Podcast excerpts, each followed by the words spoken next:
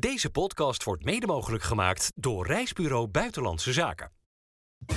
Sparta naar voren. De Sparta-podcast.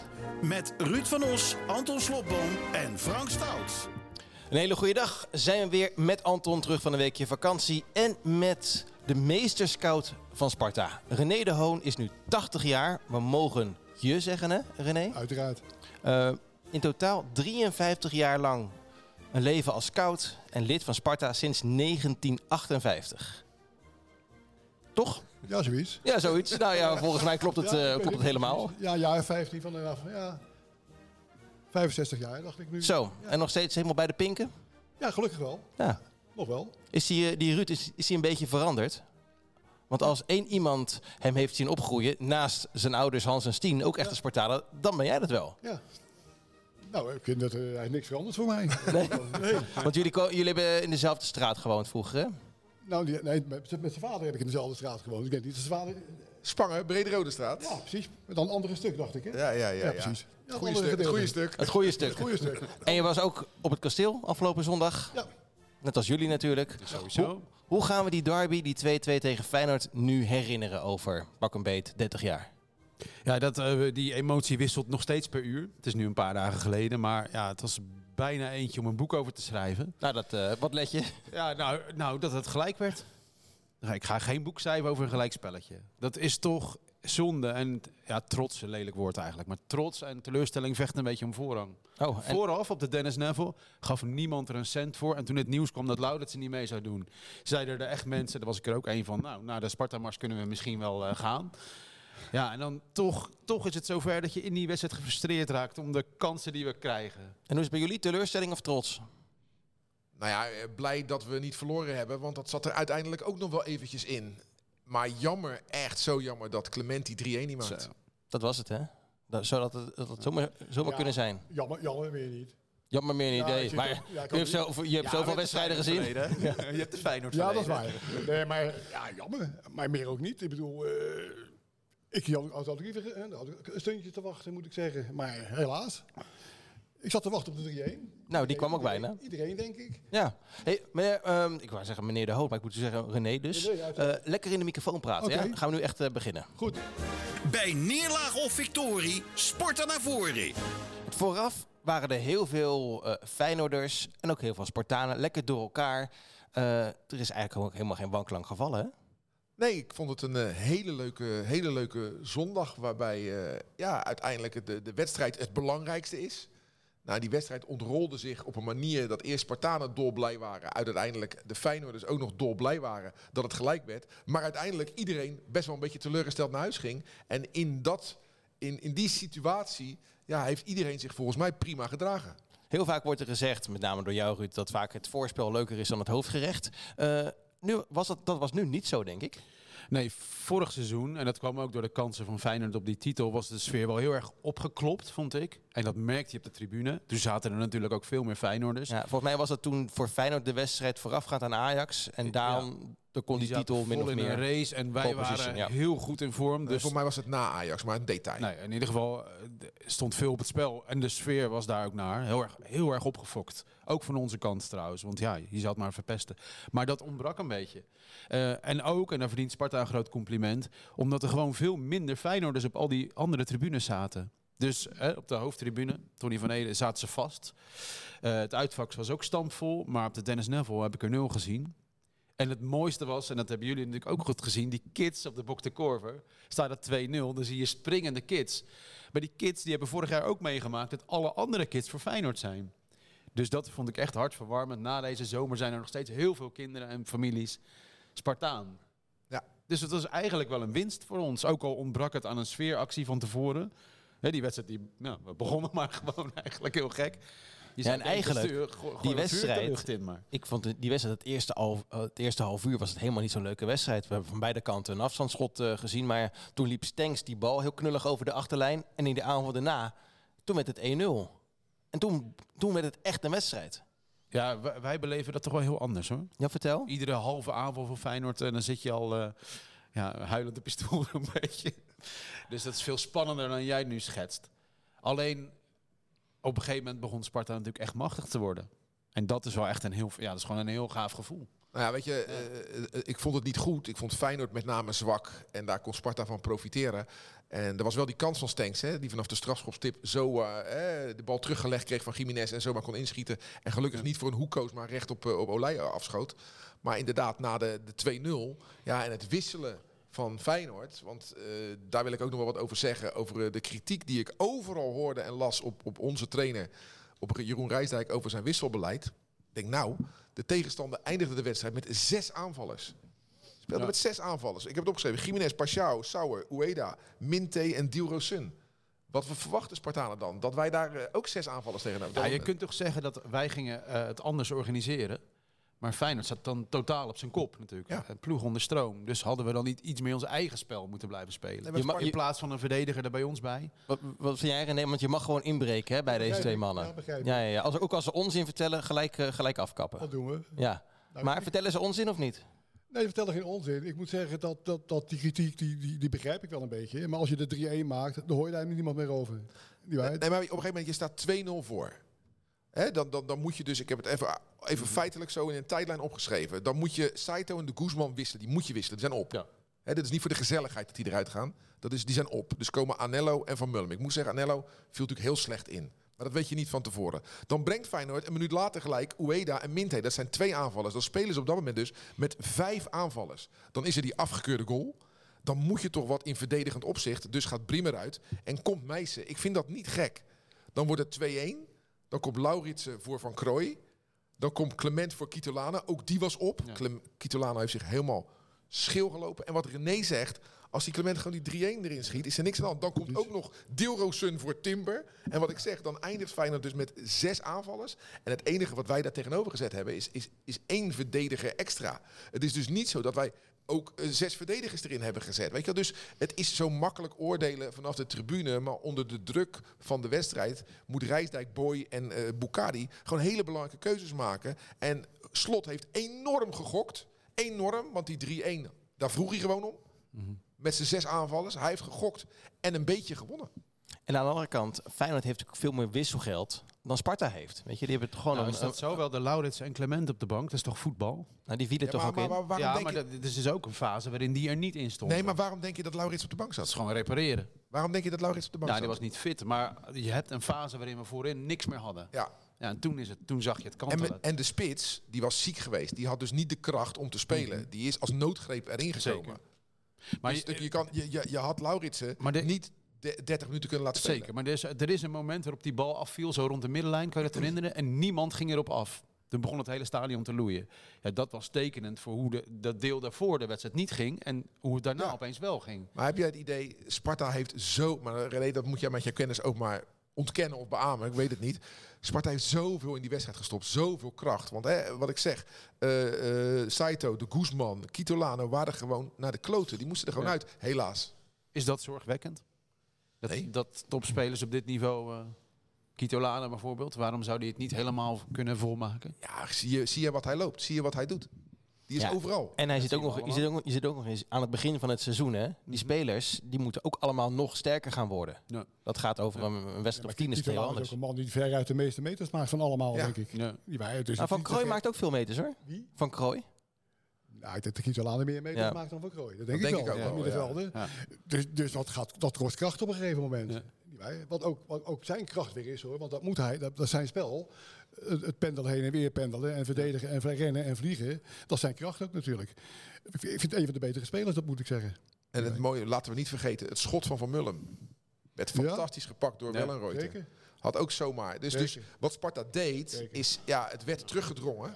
En de spaarzame momenten dat Feyenoord slordig was, bijvoorbeeld Hansko die de bal verspeelde, waardoor we 2-0 konden maken, dan sloeg Sparta toe. Dan kwamen ze eruit. Alleen ja, Clement moet hem wel maken. Ja, ja, ja. Overigens, de counter van de 2-0 Ja, maar was geweldig. gaat er veel meer keren gebeuren dit seizoen dat we met de rug, tegen, met de rug op de 16 gaan staan. Dat zal veel meer keren Ja. gebeuren dit seizoen ook wat. Nee, maar mensen Ja. oordelen over deze wedstrijd alsof wij tegen eh, de nummer 14 Nee. speelden. We speelden tegen landskampioen. landskampioen. de landskampioen. Ja. Dan is het toch logisch dat daar een krachtsverschil is. En ik vind dat wij dat krachtsverschil goed hebben omgezet in een krachtgelijkheid. Ja. Hebben we goed gedaan. Alleen, ja, jammer. Net, net niet. Ik denk als we vijf minuten langer spelen, dat we trouwens 3-2 verliezen. Dat is wel ook. mooi dat ze zes aanvallers nodig hebben om eh, Sparta Ja. te verslaan. Nou ja, dat is ook een mooi Want compliment. dat is toch Ja. niet vaker. Jullie zien Zuid vaker, maar dat, is, dat gebeurt niet vaak, toch? Dat ze zo. eh, Wij zien Feyenoord inderdaad Ja. vaak. Ja, Maar met zes man aanvallen. Dat deden ze die week ervoor tegen Fortuna Ja, natuurlijk ook. Het is niet Ja. zo gek. Het is niet zo gek staan achter. Dan spelen we toch alles of niets. Ja. En dat werd er ook gedaan. En dan, dan kan je dat en ze redden dat op dat moment. Maar voor hetzelfde geld wordt er, drie- zeg, wordt er 3-1 gemaakt. En dan zeggen ze tegen slot, eh, je speelt aanvallend. Dan krijgt slot, dan krijgt slot de joker toe, eh, toegediend. Van je, bent- ja, je, je- hoe kan je nou met zeven aanvallers gaan voetballen? Ja. Eh, Gokken, gokken. En dat, voor hem is dat goed gegokt. Al, En, al- nog een gelijk spelletje gehaald. Wat deed Clement verkeerd? Ja, dat, dat, dat rust, rust voor de goal is een van de moeilijkste onderdelen natuurlijk. De- Hij kon te lang nadenken. Daar begint het al mee, denk ik.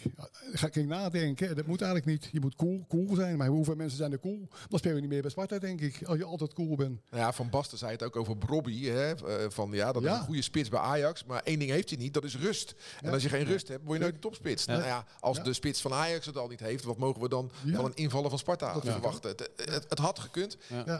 Achteraf, en dat zal hij zelf ook wel denken, die Clement, had hij maar gewoon tempo gehouden en door blijven rennen. In plaats van je, je tempo naar beneden brengen. Want dan maak je het voor de keeper makkelijker. Maar wie ben ik om dat te zeggen? Weet Nee. je wel, Clement eh, stond in die positie en het is Ja. jammer. Maar Brim heeft die rust dus wel. Nou, die heeft hij ook wel eens niet, die heeft hij ook wel eens niet gehad hoor, bij Sparta. Ja, ja dus precies. Maar precies op het moment dat het moest. Die 1-0. to- Dat is een knappe goal, toch? Die had niet gevallen met Bijlo in de goal. Nee? Nee, nee, dat denk ik niet. En Maar die, het is ook geen keepersfout. Nee, maar Bijlo die, die, die had zich echt gelijk opgestort. En ik vond Wellenreuter daar echt als een jonge juffrouw naartoe gaan. Goed gedaan door, goed gedaan door Briem. Eh, natuurlijk ook echt hoeveel vrijheid. Volgens mij was het de Guzman hè, die die bal voor mocht geven. Hoeveel vrijheid die kreeg, dat kan natuurlijk niet eh, als je het vanuit Feyenoord perspectief eh, bekijkt. Maar goed, zullen de mensen hier lak aan hebben natuurlijk. En bij die 2-0, die werd ook gewoon prima binnengeschoten. Ja, was eigenlijk een niet zo goede voorzet van Van Krooi. Nee. was achter, Ja. achter Brim. Zijn aanname was ook Maar een de, beetje verdediger, de, verdediger, ja. de verdediger viel, die struikelde. En toen had hij in één keer... Kijk, nou joh, Ja. ik, ik, ik sta oog in oog met de keeper. En, En Geertruida trekt even zijn hoofd in. Ja, Ja. Ja. Ja, die was met zijn hoofd al in eh, Leipzig. Eh, of, eh, of nu misschien wel in München, ja. Dus nee, goed. 2-2. Ik denk dat het een uitslag is waar eh, uiteindelijk iedereen een beetje wel en een beetje niet mee kan leven. Toch? Spartaan van de week, jongens. De Sparta. Oh, oh, oh, oh, oh, oh. Stop. Kan je die... Ja, wat wil je zeggen? Wat, ja, wat ik nou opvallend vind, een Rotterdamse derby met één Rotterdammer. Ja, maar het is geen 1950 meer, hè? Nou, Nou ja, dat klopt. Ja. hij zegt daar wel wat interessants. En dat is een, een grotere discussie dan één wedstrijd. Maar als supporter van een club, wat support je nou eigenlijk? Je support twee vreemdelingen-legioenen die toevallig het shirtje aan hebben van jouw favoriete vereniging. En heb je daar problemen mee, René? Nee, kijk, ik, ik ben een man die altijd in de jeugd heeft gewerkt. Dus ik zou het fijn vinden als er twee, drie spelers uit de eigen jeugd in Sparta 1 zouden spelen. Maar dat is persoonlijk. Als je aan mij vraagt van, vinden alle supporters dat? Dan denk ik, nou, dat denk ik niet. De supporters vinden het, het niet zo belangrijk hoor. De meeste supporters, als, als die een tweede Japaner achter een tweede Japaner wil bijkomen, bijkomt, of een volgende Kitolano, vindt het ook prima. En daar kan ik je een voorbeeld aan geven. Ik, ik ben jaren geleden, moest ik naar, Be naar Beveren gaan kijken. Beveren speelde toen goed voetbal, hoog, hoog in de competitie. Ik naar Beveren kijken. Daar stond ene, ene keeper in het doel. In het doel. Dat was een, een Belg. En daarna liepen er tien, tien, Zuid, tien Afrikanen liepen Uit in dat voorkeur is het allemaal. ja, uit, tien Afrikanen in dat elftal. En heel, al die supporters van Beveren waren dol enthousiast hoor. Die vonden dat geen enkel probleem. Ja, En dat heb je bij Sparta toch ook bij de meeste mensen wel hoor. Maakt die mensen niet zoveel uit. Als ze maar Nou, goed zijn, toch? Mag ik daar een klein weerwoord op geven? Ja. Want we waren vorig seizoen toch met z'n allen wel het gekst misschien wel op Sven Meijnans. Omdat dat nog iets van eigen had. Ook al kwam hij pas heel laat bij Sparta. Maar dat, dat, dat, dat is nu weg. En Nou, je vergeet Kokkie Saito, denk ik, hè? nee, natuurlijk, daar waren we ook gek op. Maar, maar Meijnans was er een van ons. En daarom waren we zo gek op. En, en vonden we het ook jammer dat hij wegging. Maar jij met je kennersoog. eh, Ja. Waarom zit er niemand uit de eigen jeugd in het eerste elftal? Simpel antwoord, ze zullen wel niet goed genoeg zijn. Nee, dat is niet helemaal waar. Ik, er zit een verhaal achter natuurlijk. Eh, er is een kweekvijver waar, waar Sparta uit, spelers uit de voorschijn haalt. En die kweekvijver was pakweg 40 jaar geleden veel beter gevuld dan nu. Ja, als je, als toen de tijd eh, kon je per jaar, noem ik wel eens, twee, drie goudvissen eruit halen en in je opleiding neerzetten. Dat is nu anders. 40 jaar later er- heb je in diezelfde kweekvijver zitten veel minder goudvissen, maar er zijn veel meer hengelaars bijgekomen. En hoe, kan het dan? Dus, dus het niveau van voetbal is niet omhoog gegaan, van jeugdvoetbal. Nou, de, de, de jeugd heeft ook andere, andere kanten, andere, andere mogelijkheden gekregen. Als ik vroeger had tegen, tegen mijn ouders had gaan, verteld van ik wil graag gaan tennissen of ik wil graag naar de atletiekvereniging, was dat niet mogelijk geweest. Er waren ook vroeger veel meer elftallen bij Sparta dan nu. Niet waar? We hebben een C8 en een C9. Nou, dat heb je allemaal niet meer natuurlijk. Dat geldt voor alle clubs. Dus er is minder, minder aanwezig. En plus veel meer scouts van andere clubs die er zijn. Ook uit het buitenland vandaan. Niet? Bij, bij wedstrijdjes. Ik heb Jeugdplan Nederland gevolgd.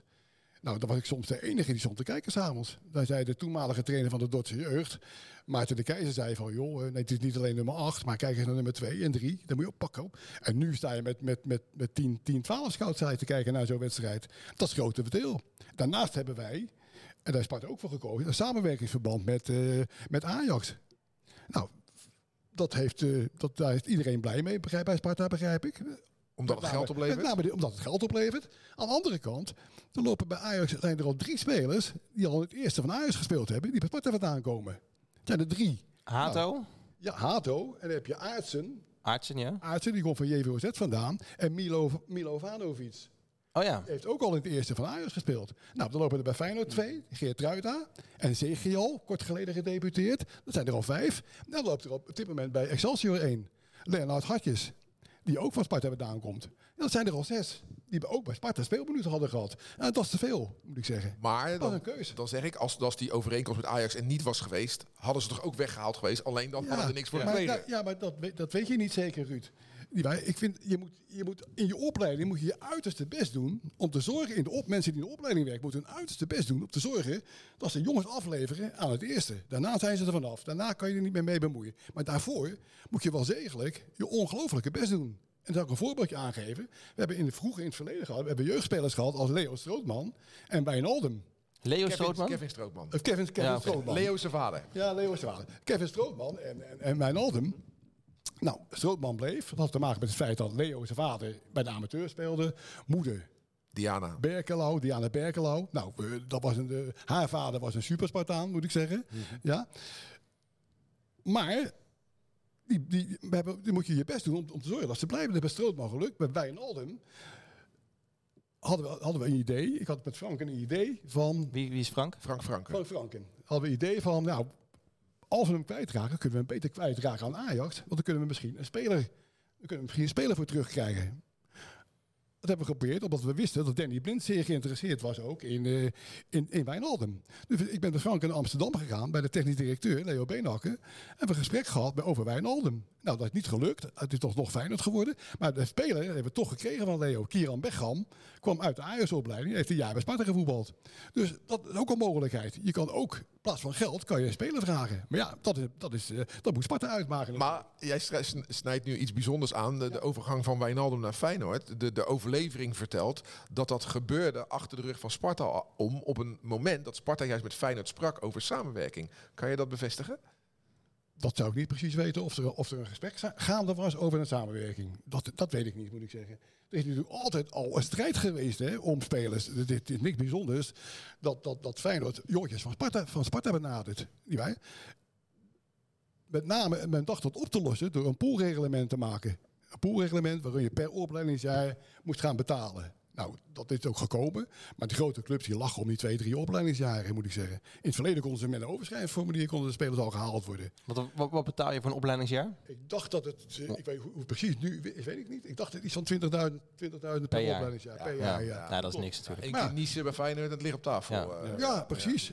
Daar, daar lachen die grote clubs nu om. Maar in het verleden was het een overschrijdingsformulier voordeel toen was dat je nog wel eens correvans kon nemen, moet ik zeggen. Niet waar? En, en, er is toch zo'n zo'n samenwerking van de grote clubs, zes grote clubs, dat ze niet aan elkaar spelers uh, zitten. Nou, we zijn zesde geworden, kunnen wij ons ook niet aansluiten bij, die, uh, bij dat conglomeraat. Maar het gebeurt, het gebeurt nog, hè, Ruud. Er gaan nu ook spelers van, uh, van PSV naar Feyenoord en andersom bijvoorbeeld. dit is dus. overigens een, heer, een herenakkoord, toch? Dus zonder handtekeningen. Ja, ja. maar dus, Ajax houdt zich er ook niet aan, heb nee, begrepen. Dus ja... Weet je, dat maar zeg jij nu eigenlijk dat Sparta zou moeten stoppen met die samenwerking met Ajax? Ja, dat, is niet aan mij. Dat, dat moet, dat moet nee, maar je hebt er wel een mening over. Ja. management uitmaken, dat is simpel. Nee, maar je hebt er ik, ik, zou er liever, ik zou er liever één of twee spelers van willen hebben, moet ik zeggen. Dat is duidelijk. Maar uh, Ajax had altijd het argument uh, kunstgras. Daardoor leveren ja. we niet aan Rotterdam. Ja. Nu hebben we geen kunstgras meer. Maar ja. Maar weet je hoeveel spelers Ajax heeft uitgeleend dit seizoen? Eén. Alleen Univar aan Twente. Dus Ajax die leent niet zo makkelijk meer Nee. spelers uit. Nee, laten we eerlijk zijn. Het is daar gewoon een grote puinhoop. Dus ze hebben de boel niet op orde. Nee. En eh, hun, hun eerste prioriteit is natuurlijk zelf overleven en dan pas aan nou, zo is het. Zo'n jongetje Vos, supertalent dit- daar. Die speelt dit- gewoon eh, Maar dat kan te weinig. gebeuren, toch? Nee, maar als, de- als, als we nu, als Ajax nog steeds Ten Hag had gehad, als Ajax nog steeds Overmars had gehad Ja. en het was daar nog steeds op orde geweest, dan denk ik dat je daar makkelijker had kunnen Ja. aankloppen als nu, waar je niet, dat je niet eens weet bij wie je moet aankloppen. Nou, we hebben het toch ook gehoord, want eh, bij ons is ook gezegd, wij willen eigenlijk die samenwerking uitbreiden, toch? Nijkamp ziet het heel erg zitten, we willen meer. Maar ja, met wie ga je praten in Amsterdam? Dat is nog niet zo Ja. makkelijk. Dus dat is voor ons best een ingewikkelde situatie dit. Het is eerlijk gezegd een wonder dat die samenwerking er, er nog is op dit moment. Ja, en altijd, mij altijd aan de vraag hoe lang duurt zo'n samenwerking. Hè? In het verleden heb ik eh, op mijn initi- initiatief is het bestuur toen een samenwerking aangegaan met PSV. Er liep ongelooflijk Ja. veel talent riep de lont bij PSV. En daar ging ik kijken. Ik zeg tegen Henk Hendricks toen de tijd. Ik zeg Henk, eh, ik zou toch een babbeltje maken met dat PSV. Dat is ook gebeurd. En daar, van daaruit hebben wij toch pakweg Van der Gaag, Faber, Veldman. Arno, Domini, Arno Dominique, Tom van Mol, Tom van Mol. Vel- Vel- Veldman. Hebben, we- hebben we pakweg een tweede of vijf hebben we daarvan eh, overgenomen toen. Met veel, veel plezier, denk ik. En Veldman later nog verkocht aan Ajax. Maar dat bloedt dan toch weer dood, uiteindelijk. Ja, dat bloedt dan weer dood. Dat komt dan, dan Ja. PSV dat hij niet, niet meer zag zitten. Of? Ja, dat weet ik niet, de reden, Nou ja. de reden waarom. Dat is mooi dat je dat zegt. Wat ik net als argument geef bij Ajax, dat dat overhoop ligt. Weet je nog PSV halverwege de jaren negentig? Dat lag ook overhoop. Ja. En dan zie je dus dat dat soort dingen als externe contacten, dat verwatert dan. Ja. Omdat die club dan alleen maar gericht is op zichzelf. Ja. En eh, dat gebeurt nu, eh, nu bij Ajax. Was je ook in dienst toen eh, Sparta met Barcelona ging samenwerken? Dat weet ik niet. Bossink. Dat is, dat is Ja, echt in de geschiedenis ja, van Sparta zo fascinerend. Ja, ja, maar Als je de krantenberichten leest... En dat hebben we het over jaren 50, 60? Nee, dat is veel later. 90 dat is de jaren 90. En dan, Nou. en dan, en dan zegt eh dat is Charles van der Steden ook in de krant... dat we misschien wel eens grote namen van Barcelona hier kunnen krijgen. Ja. ja, Nou, dat is allemaal niet gebeurd. dat was een luchtballon, eh, denk ik. Hè. We hebben er één vaantje ja, aan overgehouden. Ja, Maar we, hebben- we hebben er nu eentje. Ja, Rosanas. Uiteindelijk. Ja. Nee, die is een beetje geblesseerd, dus eh, daar Ja, heb je niet zo heel veel aan. Nee. Even voor de duidelijkheid, Ja. René, ehm, doe je nu nog veel dingen voor Sparta? Nu. Ja? Op dit moment, Nee, niet. Je bent gewoon helemaal gestopt als scout. Ik- We zijn gestopt. Ja. Hij zegt we, hè? Ja, we zijn gestopt. Ja. Wie is we? Wie is Nou, we? ik ben gestopt uiteraard. En Frank Frank is ook gestopt. Dus de oude hap, eh, zeg maar, is gestopt, zeg maar. Na het vertrek van Henk van is er een... eh, hebben we toch, is er toch in- min of meer verteld van... Nou, laten we een nieuwe start gaan maken met nieuwe mensen. Nou, dat, dat vind ik helemaal niet zo erg, moet ik zeggen. Prima. En als je 79 bent en staat er op die loonlijst van Sparta... is dat al heel bijzonder, moet ik zeggen. Dus ik heb niet zoveel problemen daarmee, moet ik zeggen. Nee, wel een seizoenkaart voor het leven gekregen. Ja, precies. Ja. Ja, Maar hoor, zou, prima. zou, je niet, zou je niet een klein, eh, klein adviseursrolletje kunnen blijven hebben? Want je, aan je ogen mankeert niks, aan je oren wel, maar aan je ogen niet. Dus je ziet nog steeds jeugdwedstrijden. Je zou nog steeds kunnen zeggen, hey Sparta, Mm. doe, of doe je dat ook nog? Jawel, als ik, als ik eh, zaterdag naar een wedstrijdje ga en ik zou wat leuks tegenkomen, geef ik dat gewoon door natuurlijk. Ah, dat, is- fijn. dat, dat is simpel. Wat is de laatste speler eh, die je hebt doorgegeven? De laatste speler die ik doorgegeven heb, dat, dat praat je toen ik een functie was. Nee, gewoon, überhaupt. Dat zou een jongen uit het amateurvoetbal zijn, denk ik. Ja? Dat doorgeeft aan Gerb Ruijs. Of, of, Want of- vroeger- Of, of aan wie dan ook. Vroeger vond ik wel, vind ik wel fascinerend. Toen ging je eh, altijd naar de bibliotheek. En dan ging je al die regionale dagbladen lezen. Ja, Eh, en toen zag je bijvoorbeeld dat Glenn Helder, die scoorde Ja. iedere keer in de Leidse Courant, las je dat en dacht je van, hé, dat vind ik wel interessant. Ja. Maar zo werkt het natuurlijk nu niet meer. nee. Nou, Nee. nee, het, er zijn andere mogelijkheden nu. Ja. Dat is duidelijk. Dat is een tij- tijdperk, een ander tijdperk. Ik ging inderdaad naar de bibliotheek de regiokranten lezen en daaruit eh, namen, na- namen tevoorschijn halen. Dat klopt. Dan hoort Glenn Helder, hoort, dat kan je nu niet meer voorstellen natuurlijk. Die, Ja. Maar dat ging inderdaad... eh, Stond hij bij de politiebericht of niet? ja, ja, zo kwamen er wel meer jongens kwamen er voort. Ja, Ik Ja. kwam eruit voort. Maar kan je met, eh, met alle respect op jouw leeftijd nog mee in de, in de huidige moderne scouting met Y-Scout en al die andere programma's? Ja, wij hebben, Ik denk het met alle respect niet. nou, het kan wel. Het kan wel. Ja? Maar, ja, het kan wel. Maar daar moet je ook echt geïnteresseerd in zijn, moet ik zeggen. Ja, dat bent u niet. Of ben je En niet dat, zo? dat ben ik dan niet meer, nee, Nee. moet ik zeggen. Nee, maar het kan wel. Dat het, eh, kijk, in het verleden, toen ik, eh, in het verleden ben ik, eh, ik ben opgestapt op een gegeven moment bij Sparta. En daar was ook een reden voor. Maar ik heb begrepen toen dan dat... Wanneer was dat? Ja, en waarom? Ja, Waar ging je naartoe? Nou, de, ja, de, de reden is erg simpel natuurlijk. Eh, Peter Bondhuis die moest eh, bezuinigen. Kwam naar me toe dat hij moest bezuinigen. Hij moest ook op de scouting. Maar de scouting bestond uit vijf mensen die op een onkostenbasis voor Sparta werkten. Toen heb ik gezegd, Peter, maar hoe wil je dan bezuinigen? Op, op, als, mensen, vijf mensen hier werken op onkostenbasis. Nou, dan moet ik maar een paar scouts wegsturen. Nou, de, scouts waren pakweg eh gerenommeerde jongens, als, als, Ouwendijk, als Kees van der Munnik. En toen heb ik gezegd, na twee dagen, ja, maar ik ga mensen die 10, 15 jaar hier werken, die ga ik niet wegsturen. Dat doe ik niet. Dan stop ik, dan stop ik zelf wel.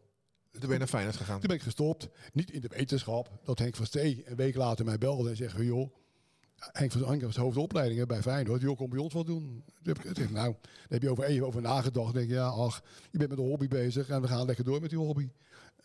Nou, maar- Zo simpel was het eigenlijk. Die- dan heb je daarna 16 jaar voor Feyenoord gewerkt Ja. in totaal. Maar je hebt over een hobby. Eh, is het nooit een beroep geweest? Of wat was dan je beroep? Ik heb bij BTP gewerkt 40 jaar lang. PTP? Bij de PTT. Op, eh, was de Ja. postbode? Ik ben chauffeur geweest, ben kassier geweest. Ik heb diverse werkzaamheden gedaan bij de PTT. Ah, oké. 40 jaar lang. Ja. En dat combineerde je dan met scouting? Combineerde je met scout. Dat was gewoon een, eh, dat was een, een snappeltje, noemen we dat. Een bijverdienstje, een kleine Ja? onkosten. Kreeg je ook een lekker commissietje als je een goede speler had aangedragen? nee, dat, Nee? Kan, dat kan ook niet, want dan, dan ga je krijgen van wie, wie, wie is dan met die speler aangekomen. Ja, ja, ja. Dat is, de ene keer ben ik de eerste, de andere keer is, is, een, is een collega-scout de eerste. Ja. Kan je de, de, de, de verschillen in clubcultuur duiden tussen Feyenoord en Sparta? Want jij hebt in beide keukens extreem goed kunnen kijken dus. Ja, die culturen zijn het ligt veel dichter bij elkaar dan we denken, moet ik zeggen. Dat is, eh, ik ben, kijk, zoals ik pas Sparta gedold word, dat ik feit dat ik bij Feyenoord gewerkt heb. door sommige mensen, die ben daar nog steeds mee dollen. Is bij Feyenoord eh, niet anders geweest van, oh, er komt die, er komt die kut Spartaan weer. ja, oh, we- wat heeft Sparta gedaan? Eh, en de mannen als Taument en pakweg en Adriaanse. Dus, nee, dat, dat, dat, dat, dat, zit- dat zit heel dicht bij elkaar, moet ik zeggen. Het cultuurtje, dat valt allemaal mee. Niet wij? Ja, dat willen we dus niet horen. Nou ja, nee, nou, nou, ik, denken supporters anders over daar. maar heb je daar wel dingen gezien of meegemaakt waarvan je zegt, daar hebben we, die heb ik mee naar Sparta genomen toen ik terugging? Daar, daar, daar, daar konden Nee, wij wat van leren bij Nee, Sparta. dat denk ik niet. Nee, dat moet ik zeggen, ik denk van niet. Nou, je, talent, je eigen talenten vast te houden. Ja, want ja, dat kan je Feyenoord wel nageven. Zij spelen in een eerste elftal. eh, of ze allemaal blijven. B- Bijlo, eh Geertruida. Nou, die lijst is best wel lang. Hartman speelt nu in het, in het eerste elftal. In het verleden hebben we natuurlijk Bruno Martens Indy, Stefan de Vrij. Ja, maar het is ook veel makkelijker voor Feyenoord om die gasten te behouden, omdat je zelf aan de top van Nederland speelt. Aan de andere kant zijn er ook heel veel buitenlandse grote vissen, die ook hen proberen te kapen natuurlijk. Dus Nee, maar kijk, Feyenoord is toch veel spelers verloren in hun opleiding. In hun opleiding al. Maar je, je broertje Timber, maar hij heeft van Feyenoord natuurlijk. Noah Lang is van Feyenoord. AK, Eh, die ik- tijd. ik- Ieder- zeker, Idrissi. Nathan AK, dat allemaal jongens uit de eigen opleiding. Die Vincent dan, Jansen. toch, die dan toch voor Vincent Jans, precies, die dan voordat ze in het eerste komen alweer vertrokken zijn. En dat is zonde natuurlijk. Ja. Ja. Dat Nee, maar uiteindelijk- aanhaalt, niet waar? Vind ik het ook maar uiteindelijk, jij zegt het is bij Feyenoord makkelijker. Maar het niveau waarop Feyenoord acteert is nog veel hoger. Dus zou het voor een jonge speler toch juist moeilijker zijn, of moeten zijn om in het Nee, ik denk, te om- komen? ik, denk, ik denk dat je die grote talenten, die kan je dus een eh, mooiere spiegel voorhouden. Van kijk, als je bij ons blijft, kan je om de top van Nederland in de top van Nederland gaan spelen. En bij Sparta is het natuurlijk jarenlang is het zelfs onder in eredivisie eh, geweest. Oh ja, lager zelfs. Ja, daarom. Maar, maar ja, ik heb in mijn tijd bij, bij Sparta. Moet je spelers overtuigen, blijf nou gewoon bij Sparta. En dan moet je je best voor doen. Ook daar heb je mensen voor nodig. En dan moet je je best voor doen. Om te zorgen van, joh, als jij uh, hogerop wil. Dat kan ook via Sparta. Via Sparta kun je ook de sprongetje maken naar Feyenoord. Ja, Dan maar je Feyenoord heeft wel een dan je grotere naam en meer aantrekkingskracht, met name ook op je ouders, denk ik. Heel veel ouders zullen, er zullen meer ouders zijn die supporter Ja. zijn van Feyenoord dan van ja, Sparta. Ja, dat is niet terecht. Want de opleiding van Feyenoord is niet beter dan de opleiding van Nee. Sparta. Maar dat, dat, is dat wel- zien die ouders niet. Nee, dat is waar. Er loopt wat betere materiaal Dat is wel opmerkelijk wat je zegt, want wij steken er anderhalf miljoen in. En Feyenoord speelt steekt er zich ook 6 miljoen in. Ja, maar het is nu wel een andere opleiding dan bij Feyenoord dan in de tijd dat jij daar werkte natuurlijk. Hè. Het is veel professioneler geworden bij Feyenoord. Nou, dat, dat denk ik niet dat er veel uitmaakt. Met, met, Nee? Met, nee, ik Nou. ben, nee hoor, dat denk ik niet. Dat maakt niet zoveel uit. Ik, eh, ik Dezelfde- waag dat te er betwijfelen. Dezelfde mensen lopen daar nog rond, wat dat betreft. Nee, maar die, diezelfde mensen, Cor Adriaans, heeft veel minder te vertellen dan, eh, dan toen was. Dat klopt, dat klopt dan wel, maar ze lopen er nog steeds rond. En of het nou veel professioneler en veel beter is dan bij andere clubs, daar geloof ik niet in. Nou, ik denk wel als de Brecht dadelijk af is en geopend wordt, dat wij ook over faciliteiten beschikken die, het, die horen bij een goede opleiding. En daar heeft het natuurlijk de laatste jaren wel aan ontbroken. En zeker deze twee jaar, waarin de opleiding door heel Rotterdam en Schiedam speelt, en Excelsior Besluit, daar spelen we ook, dat is niet goed, denk ik, voor, voor, je, voor je opleiding. Maar dat is even een noodsprong. Maar als Ja. dadelijk de Brecht open gaat en Sportpark Pim Doesburg gaat heten, hoop ik, dan... eh, dan, dan ja, kijk naar Vitesse, kijk naar Feyenoord, kijk naar PSV, kijk naar Ajax. Die hebben mooie faciliteiten, goede faciliteiten. En die hebben wij dan ook. Dat denk ik ook. Nou, Maar het belangrijkste materiaal natuurlijk. Ja, ik, ken- die hebben geweldige faci- faciliteiten hebben als accommodatie zijn. Het gaat om het materiaal wat je in huis hebt. Als dat materiaal voortijdig vertrekt, dan blijf ik dat, ja- blijf ik dat jammer vinden. Meer niet. Ja. Ja, eh, dus ik ben geen voorstander van, van die samenwerking met Ajax. Nee, maar of je dat nou opzegt ja, of niet, dat ja, blijft gebeuren Wel, ja, wel, ik ben Ja. wel voorstander van, van de samenwerking. Maar dan één, twee spelers eh, ervoor terug, bij wijze van spreken. Zullen we, die, zullen we die deal maken? Voor elke speler die zij weggehaald, krijgen wij er één terug. Nou, ze hebben er genoeg daar, dus... eh, Ja. hè? Nou, spelen is geen gebrek. Nee. Maar jij eh, als scout, wat, wat vind jij dan van de spelers die we hebben aangetrokken nu? Van buiten?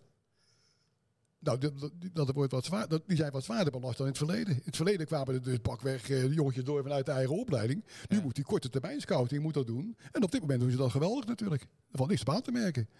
Die waar, er zullen ook wel wat tegenvalletjes bij zitten. Maar op, op dit moment zeer ik alleen maar eh, met meevallers, moet ik zeggen. Ja, we hebben, wat hebben we gehaald? Eh, Veldhuis, Bakari, Warmedam. Clement. eh, van de kust, Van de Anello, Kust, Anello. Ja. Ja, we zullen best wel wel één, twee, Bakari bijvoorbeeld. Clement, ja. ja, we zullen best wel tegenvalletjes bij zitten. Maar op zich gaat het geweldig natuurlijk het af, afgelopen anderhalf jaar. Het is ook moeilijk om dat nu te zeggen. Je, Zeker. jij Nou ja, vraagt je wat vind je van Bakari? Nou, maar hoe kijk jij dan naar zo. zo'n jongen als zo'n Spa- Spaanse jongen als Alleman? Die dus in de winter gekomen is.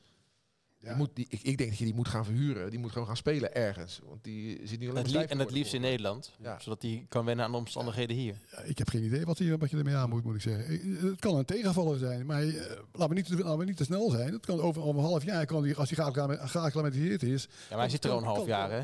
Ja, nee, dat is waar. Maar het, het kan nog steeds een, eh, een aanwinst worden, dat kan. Nee, dat, Maar, maar er zullen ook aankopen gedaan worden die niet helemaal uit de verf komen. Ja, dan moet je de hoofdprijs gaan Nee. betalen. Nou, die heb je niet. Ik zag dat eh Melkersen in zijn eerste wedstrijd scoorde. Oh ja? Ja. Zit hij nog steeds bij Aberdeen of zo? je Nee, hij zit nu ergens weer eh, in Scandinavië. Oké. Oh. Is hij beland en hij scoorde.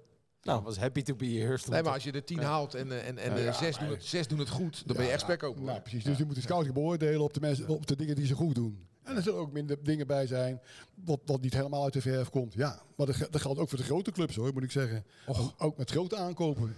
Ja, garantie heb je ook nooit op een speler. Dan moet je een koelkast kopen, zeg ik altijd. Ja, ja. Dan krijg je een paar jaar garantie op. Op een voetballer niet. Daar zijn we er voorop, voorop uitgegaan, vooruit op gegaan, achterin. En dan vooral op de vleugels. Want we hadden dat natuurlijk... is een Sandro en vraagsteller, die kunnen we allemaal Sorry, zien, eh, Anton. Nee, maar dat wil ik van hem weten. Oh, nou. Want jij, jij zit volgens mij met een schriftje op de tribune, of niet? Wat heb ik? Je zit te schrijven op de tribune, of niet? Dat schriftje, Nee, hoor. dat neem je Nee, niet hoor. mee, toch? Oké. Nee hoor, ik heb niet te schrijven op dit bruut. Nee. nee. De oude hoeren. De oude Ja. zit hier. Nou, ook niet zoveel. Nee. Na afloop meestal. Ja. Ah, maar Anton stelt de vraag, wie zijn er beter? Sambo of Pinto of Bakari en Warmerdam? Het is een open deur, maar Anton wil het graag uit Ja, jouw mond Sambo horen. zat vorig jaar begin op de bank, hè? Daarom. Abels heeft jaren bij ons gespeeld. Ja. Ik denk dat we aan de linkerkant eh, iets, iets, iets voor eruit komen. Aan de rechterkant maakt het niet zoveel uit, denk ik. Ik vind de rechterkant Nee, redelijk. maar laten we niet vergeten, van de vier jaar die Pinto bij Sparta heeft gespeeld, hebben we eh, bijna drieënhalf jaar zitten huilen als hij aan de bal kwam. en alleen, alleen, alleen het la- laatste half jaar en misschien net voor de winterstop zijn we van hem gaan genieten. Maar daarvoor was het niet zo heel veel hoor. Dus alleen, ja, je bent zo goed als je laatste wedstrijd. Ja. Zo is het. Ja. Ik denk met Zag je die al- foto dat hij eh, zijn Nou. Vitesse-logo kuste? Nee, joh, heeft hij dat gedaan? Ah, bij, de, bij, de, presentatie of zo? Ja. Stond hij de basis eigenlijk bij Vitesse van het weekend? Geen idee. Uit het oog, uit het hart. Zo is het. Zo is het. Nou, Hey, mag ik nu, eh, ik wilde net een, eh, laat ik zeggen, zeker 20 minuutjes geleden de Spartaan van de week erin gooien. Maar toen kon, nou, je had even een paar minuutjes nodig om los te komen, maar je bent los, hè? Ja. Inderdaad. De Spartaan van de week. Eh, René, we hebben het er even over gehad. Spartaan van de week. Een naam die nog niet zo heel veel is gevallen, maar René is de gast. Wie is de Spartaan van de week? Nou, als de, spits- twee keer scoort, dan denk ik dat het duidelijk is wie de, wie de Spartaan van de week moet worden. Brum. Ja, vind ik wel. Ja. Ja. Knap hoor. Ja, Als jij zeker. vorig seizoen Ja. over twee wedstrijden tegen Ajax en AZ negen minuten speelt en gigantisch door het ijs gaat, Ja. dan moet dat iets met je zelfvertrouwen doen. Dan ga je terug naar je oude club, dan wordt dat zelfvertrouwen weer opgebouwd. Dan kom je terug, maar dan zal er toch nog iets in je hoofd zitten van ja, ik moet toch iets laten zien nu. Het moet nu. En dan krijg je een uur voor de wedstrijd te horen dat jij Ja. Lauritsen vervangt. Ja. En dan scoor je gewoon twee keer. Ja, en dan heb je een verslaggever, eh, genaamd Ruud van Os, misschien dat je hem kent. Die gaat dan nogal los op Radio Rijnmond. Hier kappen en draaien met Pashao. Maar ja, uit stilstand heeft dat natuurlijk geen enkele zin. Dus maar gewoon weer in de voeten van de Guzman. Die gooit hem de 16 in. Wie kan erbij? Briem, Briem, Briem, Briem, Briem! 1-0 voor Sparta. De basis van Jonathan de Charles Andreas Briem. Fantastisch. Staat oog in oog met Wellenreuter. En schuift hem koeltjes de goal in. Wat een geweldige goal is dit voor Sparta. En kan ik me de frustratie bij Feyenoord dus voorstellen als Sparta nu weg is van Krooi. Ga die 16 in. Ga die 16 in. Van Krooi, bal laag naar Briem. Briem schiet de Briem. Ja! Charles Andreas Briem doet het voor de tweede keer vandaag. Na 54 minuten. Sparta tegen Feyenoord 2-0. Ja, maar we hebben mails gekregen, toch? Ja. Oh. Ja, ja, het is echt fascinerend. eh, als, je, als je ha- hard schreeuwt voor de ene, dan is de, de andere boos. En andersom. Wij hebben eh, verdorie gewoon mailtjes gehad eh, van mensen. eh, in het, laat even duidelijk zijn, we kregen in het verleden altijd heel veel mailtjes van Spartanen. Dat we geen aandacht voor ze hadden. Ik weet niet of ze de radio dan wel aan hadden staan of niet. Maar oké, luister, hier heb je het bewijs. Maar nu krijgen we ook mailtjes van Feyenoorders die het onterecht vinden dat ik zo hard gil. Want eh, dat kan je Feyenoord supporters niet aandoen, want daar luisteren er zoveel van. Ja, ook, ook daar kan ik niks mee natuurlijk. eh. Hetzelfde geldt voor eh, dat stukje wat op ITWM stond. Dat we de Feyenoord-podcast niet op mogen nemen op het kasteel. ja, nou, gelukkig waren de reacties daaronder allemaal wel duidelijk van... joh, laat lekker gaan. live. Ja, precies. precies. Maar wel joh, leuk dat ze de aandacht aan eh, besteden. Ja, als je het de rest van het seizoen maar niet meer doet, dan is het goed. Nou, ik, denk, ik heb nu het idee dat we nog eh, de Nee, ik denk dat we niet naar Groningen, Feyenoord, naar het kasteel rijden Nee, om daar de podcast denk op te het niet. nemen. Nou, denk dat het lijkt niet. mij heel gezond. nee. Nee, Ja, dus dat is je Spartaan van de week. Prima. Brim, ah, mooi. naar jou? Ja. Bijna een standbeeld. Ja, ik heb, ik heb er eigenlijk twee. Eén vond ik eh, Bart Vriends heel goed. Ik had ook Bart Vriends Die was opgeschreven. echt waanzinnig Ja. goed. En dat is knap, want die was in hetzelfde weekend nog naar Lowlands. Vrijdagavond. Heeft hij overigens zelf op social media gezet. Ja, pas daarna niks. hoor, maar ik had het daarvoor al gezien. Ja. En wij hebben een discussie, is dat handig? Ja, ik vind het opvallend in topsport dat je naar zo'n groot festival kan in hetzelfde weekend. Nou, ho, ho, Als even voor de duidelijkheid. Hij, ging hij daar niet heen om lekker te zuipen. Hè? hij ging daarheen om een eh, congres te presenteren met Vast. Rob Jette en een Ja. andere linkse dame. En optreden. Eh, ja. dat is Ja, prima. Zeker, zeker. weet je? Ik denk... Ik vind het wel goed. Daar komt Ruud hoor nu. ik vond hem goed spelen. Laat Ja. dat duidelijk zijn. Maar stel dat hij niet goed gespeeld had en deze foto was naar buiten gekomen, dan had je de pop aan het dansen gehad. Dus ik denk dat het handiger is om het niet te doen in de beeldvorming. Daarbij, ik vind topsport gaat om percentages. Zulke eh, gaat om een half procent beter, 1 procent Ja. beter. Dus ik denk dat je niet het risico moet nemen dat je 1 of 2 procent te zwakker bent. Weet je wel, ik zou zeggen, doe het gewoon niet, heb je ook geen gezeik. Heb je, heb eh, donderdagavond wat te doen? Wat zeg je? Donderdagavond. Dan heeft hij Nieuwe luxe hoor. Core podcast, volledig uitverkocht. 1500 man. En Bart gaat het allemaal eh, presenteren. Ja. Vind je ook niet dat het kan? Ja, zit wel kort op de wedstrijd weer. Hè? Ze spelen zondag. Dan kan je toch donderdagavond lekker zo'n theatershow doen? Ja, tuurlijk. Nou, we kunnen nu, we moeten er een keer een punt achter zetten. Hij, hij Je moet eerst je iPhone geworden. ontgrendelen. Zet er maar een punt achter. Sinds het joh. begin Zet van de achter. Podcast. Ik, ik ken nog wel spelers die gingen vrijdagavond de zaal voetballen. eh, Terwijl ze zondags moesten spelen. Ja, Ja, precies. Ja, dan braken ze een arm. Ja. Het raakten ze nog geblesseerd ook. dus ja, Noah Heijeman lag ook niet op, op zijn bed eh, Nee. vroeg voor, om eh, nee. uit te Ja, rusten. andere, Nee, maar dat is dat andere, was- andere tijden. Dat was in de tijd dat aten ze tussen de middag ook nog gewoon kroketten. Ja. En, dat, Ja. en dat werd dan eh, propsport. En een checkie eh. draaien in En de een checkie draaien. Maar tegenwoordig, hè, ja, ik, ik denk eh, niet dat, eh, dat Femke Bol nu op het WK in Budapest ook eh, twee dagen van tevoren naar een festival gaat om, iets, om, Nee. of- om een eh, symposium te presenteren. Denk ik. Maar Nou, het, ik- het zegt eigenlijk meer over Sparta dan over Bart, denk ik. Want is, wat is dan de regie daarop? Ik, ben, ik heb geen idee wat er wordt afgesproken met spelers. Ik dacht eigenlijk dat die de hele week worden gemonitord tegenwoordig. Eten nou ja, en alles. eh, Frank is eh, Maar close misschien met Bart. Dan moet jij dan maar eens een keer navragen. Volgende week krijgen we het antwoord. Dat is goed. Moet hij dit melden bij Sparta? Ja, volgens mij wel. Want ik weet ook, eh, afgelopen eh, winter werd, ging hij een commercial opnemen. Heeft hij netjes bij, eh, bij Sparta gemeld. Maar goed, ik zal even wil je dan contact... ook eh, vragen of er wel eens nee wordt gezegd? dat is goed. Of ze, Nou, maar Bart luistert zelf ook eh, geregeld. Dus, ja. eh, Mag ik Ja. ook mijn Spartaan van Ja, de ik week was nog? je had, Oh, ja, twee, Ik je was had twee. Sorry, sorry. Ja. Ja, die andere die is, eh, ja, dat gaan we ver terug in de geschiedenis. Maar Jaap Weber? het is deze week, eh, nee. Op 22 augustus 1943 werd John de Korver vermoord. John de John. Korver. John, dus Vermoord? de zoon van Bok. De zoon. Ja, dus eh, Bok de Korver had een zoon, John de Korver. Die heeft ook in het eerste gespeeld. Dat was de eerste stopper in het stopperspeelsysteem van Sparta. Die was ook echt goed. Nog een Maar die scout door, ging nog door- scout door René Nog ook. door René en eh, Zonneveld. En die ging ja, het leger in. En die is eh, gevangen genomen door Japanners. En gevangen gezet in Thailand. En die kwam op 22 augustus 43 om. Die is eigenlijk vermoord. Hij had een acute darmontsteking, maar eh, dat krijg je niet zomaar. In zo'n kamp, dat is gewoon moord natuurlijk. Eh, en we moeten hem een beetje herinneren. Dus dat is een beetje de Spartaan van de week. Oh, mooi. Zullen Sorry, ik wilde niet somber doen, maar... eh, Nee, Nee, maar dat is een goed, eh, het over is heel goed. Mooi. Op de tribune zat een gast die ik ook Ja. ken. Ja, die, Die- ken ik ook. En eh, Simon. Sparta zelf had hem gespot. Die Ja. lijkt echt op Bok de Korver. En die heeft nu ook zo'n snor. Ja, dat zag ik. Dat Ja. is echt heel Ja. komisch. En dat, is, Maar dat hij, had maakt een, onze hij had een mooi. bier in zijn hand en iemand schreef eronder slok de korver. hè? Dat, slok de Ja, dat is goed. Ja, maar dat is een vriend van jou. Die ging Ja, toen ook mee zeker, met ons eh, naar die karaokebar. Ja, maar het is toch prachtig dat, dat Sparta dat heeft. Dat vind ik leuk. Ja, overigens, Bok de Korver raakte getraumatiseerd van zijn, de dood van zijn zoon. Die bleef wel naar Sparta gaan, maar die deed verder niets meer. Die trok zich helemaal terug uit het Ah, sociale leven. En die werd eigenlijk een zwijgzame man door die dood. Oké. Is heel sneu. Goed. Nick Olij. Nick Olij, hoe hij ja, is uitgegroeid tot een topkeeper in Nederland. Echt fantastisch. En dat onderstreepte hij afgelopen zondag op het kasteel met een aantal eh, geweldige reddingen. En ik hoop dat we er nog lang van kunnen genieten van Nick Olij bij Sparta. En wat denk je? Eh, Feyenoord, want daar hebben we het dan over. Hè, want dat is een club die wellicht een keeper zoekt. Heeft zich eh, op woensdagochtend 9 uur tot nu toe niet gemeld bij, bij Sparta. Ik denk ook niet dat het gaat gebeuren. Nee, Maar, want Sparta zit best wel hoog in de boom natuurlijk. Als het gaat om financiën voor, eh voor ik Olij. denk dat ze rond de 7 miljoen gaan vragen. Ik vond eh, Henk voorzichtig in FC Rijnmond met 4 miljoen eh, Ja, ik ook. afgelopen, ja. eh, afgelopen maandag. En eh, Ja. ik, ik denk dat Sparta rond de 7 gaat vragen. En is eh, dat marktconform? vind ik wel. Als eh, een keeper die twee keer in de Bundesliga heeft gespeeld, de Ajax haalt hem voor. Wat was het? 12 miljoen geloof ik? Nee, nee, nee, nee. nee. Dat, was, eh, dat was acht, maar dat schijnt minder te zijn. Nou, Dus. dan nog, dan nog. Dus eh, ik- denk dat uh, Olij eh, niet naar Feyenoord gaat. Dat wil niet zeggen dat hij niet weggaat. Want het kan altijd nog, want het is pas, wat is het vandaag? 22, 23 23 augustus. augustus. Dus we hebben nog eh, een acht dagen. Er, er- er werd iets gezegd over een commentaar van Olij over onze selectie.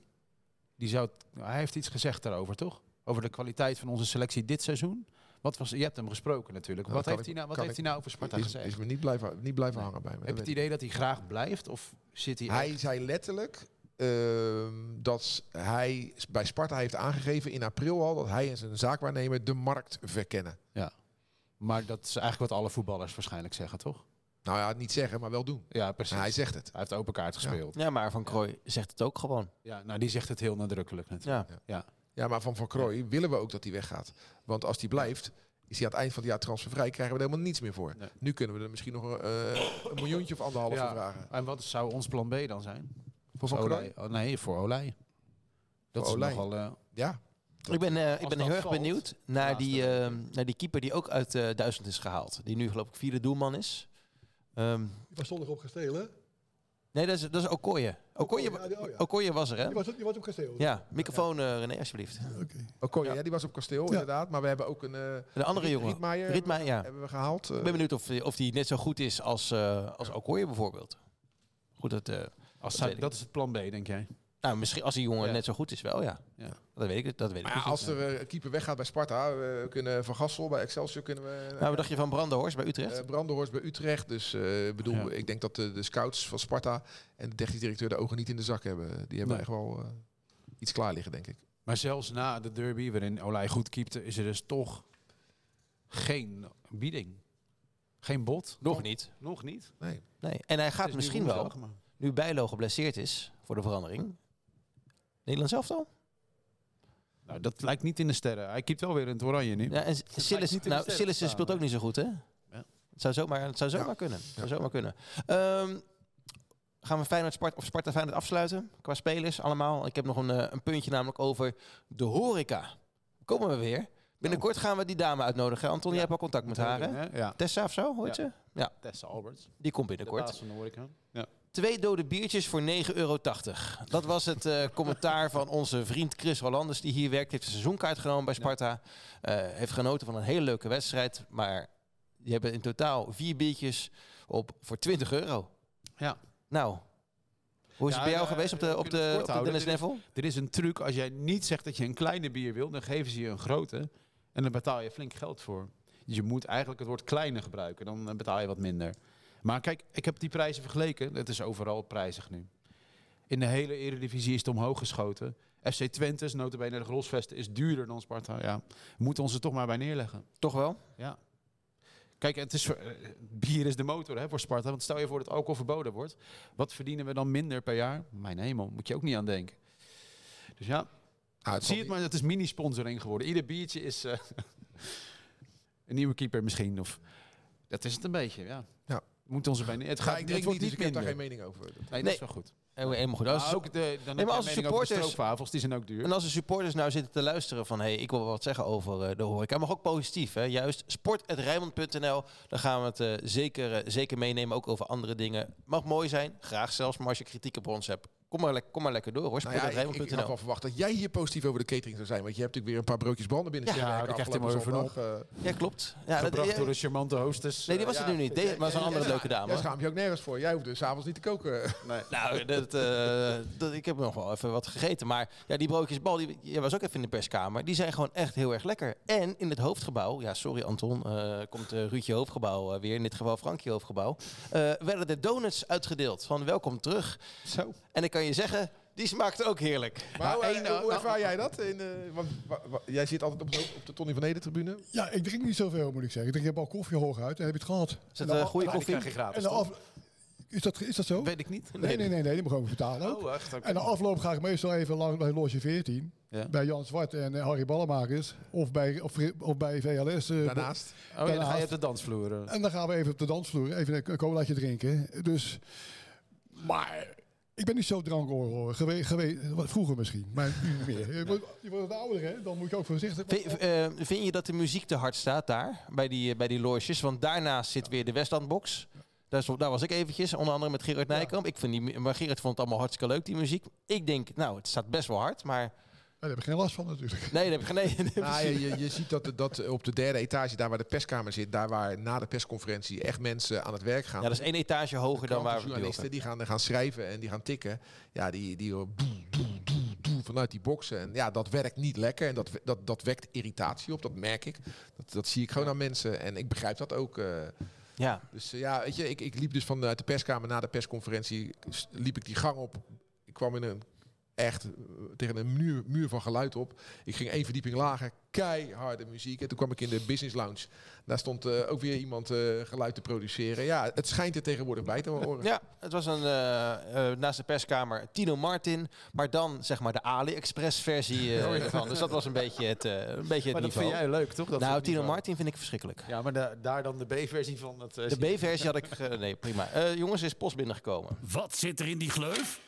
Tijd voor de post. Ehm, even kijken. We hebben zoveel binnengekregen. Richard van Scherpenzeel had een vraag. Die stelde die dit keer via Twitter. Mag ook. Hoeveel geld is er nou nodig om die geluidsboxen te vervangen? Het is dramatisch. Het klonk zelfs zo erg dat toen Jurien Timber, of Quinten Timber werd vervangen, de naam van Hansco klonk. Zo erg was het. Dat is een slechte grap. maar ik begrijp wat je zegt. Eh, het geluid is niet goed bij Sparta. En eh, afgelopen zondag viel het mij op dat op het moment dat Sparta dus niet muziek draaide, maar commercials op de schermen afspeelde, dat het geluid toen echt dramatisch was. Dus ik hoop dat ze dat wat, wat, daar wat aan doen. Laros heeft hier gezeten, heeft gezegd, heeft geen prioriteit, kost een paar ton. En die paar ton steken we op dit moment liever in andere zaken. Ja, service naar je publiek vind ik dat goede geluidsinstallatie erbij hoort. Eigenlijk kan je het zelfs de speaker niet aandoen, Jack Creek, want die staat soms gewoon voor joker. Ja. Niet te verstaan. Ben je Op de derde snef ook niet te verstaan? Nee, en het, eh, het moet echt beter. Dit kan zo niet meer, denk ik. En als je een product biedt waarbij je inderdaad 5 euro voor bier vraagt en al het andere, ja, dan eh, zou je moeten gaan upgraden. En ik denk, als je die enorme waslijst aan sponsors ziet, er moet toch iemand zijn. Het is niet een kwestie van drie ton overmaken naar, eh, wat is het, Mediamarkt. Volgens mij moet er iets te verzinnen zijn. En eh, kijk, dat gefaseerde aanpak, probeer dat, want op de Dennis Neville hoor je echt niks meer. Ik weet niet zo goed hoe het op de hoofdtribune toe gaat, maar bij ons... eh, Hoor je iets, eh, René, als je ge Ja. gehoorapparaatje in hebt? Nou, ik moet zeggen, ik heb, er geen, ik heb er persoonlijk niet zoveel last van hoor, moet ik zeggen. Ik, eh, Ja, maar jij hoort Jack Creek gewoon letterlijk gewoon. nee, maar ik heb, een, ik, ik, ik heb, ik heb een opstelling bij me en daar heb ik voldoende aan, moet ik zeggen. Eh, het is ook dikwijls een beetje geleuter, moet ik zeggen, vind ik, eh, door die speakers. Maar het kan beter, dat is duidelijk. Hadden, vroeger hadden we een appartement voor eh, Pogo. Hè? Pogo. Pogo. Hans, Hans van de- Poel, Hans van de Pogo, Poel. Pogo kliniek. Ja. Wat deed hij dan? Hans van der Poel was de, was een gelu- geluidstechnicus. Die Oh, zorgde, waar? die zorgde voor de, En er was ook een En, en DJ. die was de omroeper ook. en die was ook omroep. Ja, Was dat jouw voorganger? Ja. Was jij wel te verstaan?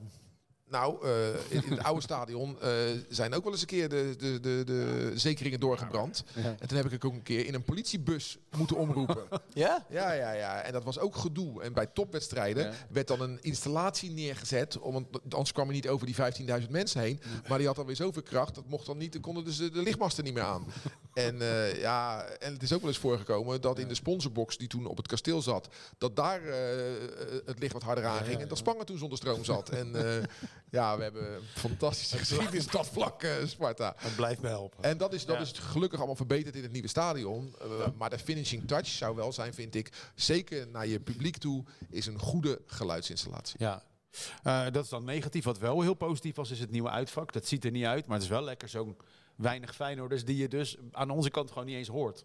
Nou, sterker Dus nog, hij is heel erg hun best doen. Maar die je ook niet ziet. Als je, want wat een zegen. Nou ja, ik denk dat het, kijk, Feyenoorders, sommigen hebben erover geklaagd dat je niet eh, in hun geval naar de rechterkant kan kijken, want het glas dat is afgeschermd, daar kan je niet doorheen kijken. Ik denk dat het heel erg de-escalerend eh, werkt. Volgens mij is het hartstikke prima. Nou ja, weet Ja, je ze wat je ervan kids niet vind je. Dus Ja. Wij zitten bij de perstribune, dus eh, meer bij de uitsupporters dan bij de Dennis Neville tribune. Ik vond ze luid en duidelijk eh, te horen hoor. Ja hoor. En eh één keer een wanklank. Dat was toen die goal werd afgekeurd en gingen de Spartanen, jij natuurlijk voorop, eh, de Hermers House Band eh, zingen. Nou, daar reageerden ze dan Ja. weer op. Maar goed, dat... eh, Ajax publiek. Ja. Nee, nou, is iets anders. Iets anders. Niet, niet, eh, niet helemaal laten we goed. hopen dat het daarop sloeg. ja. Precies. Ehm, ik wil nog even iets aan jou vragen, René.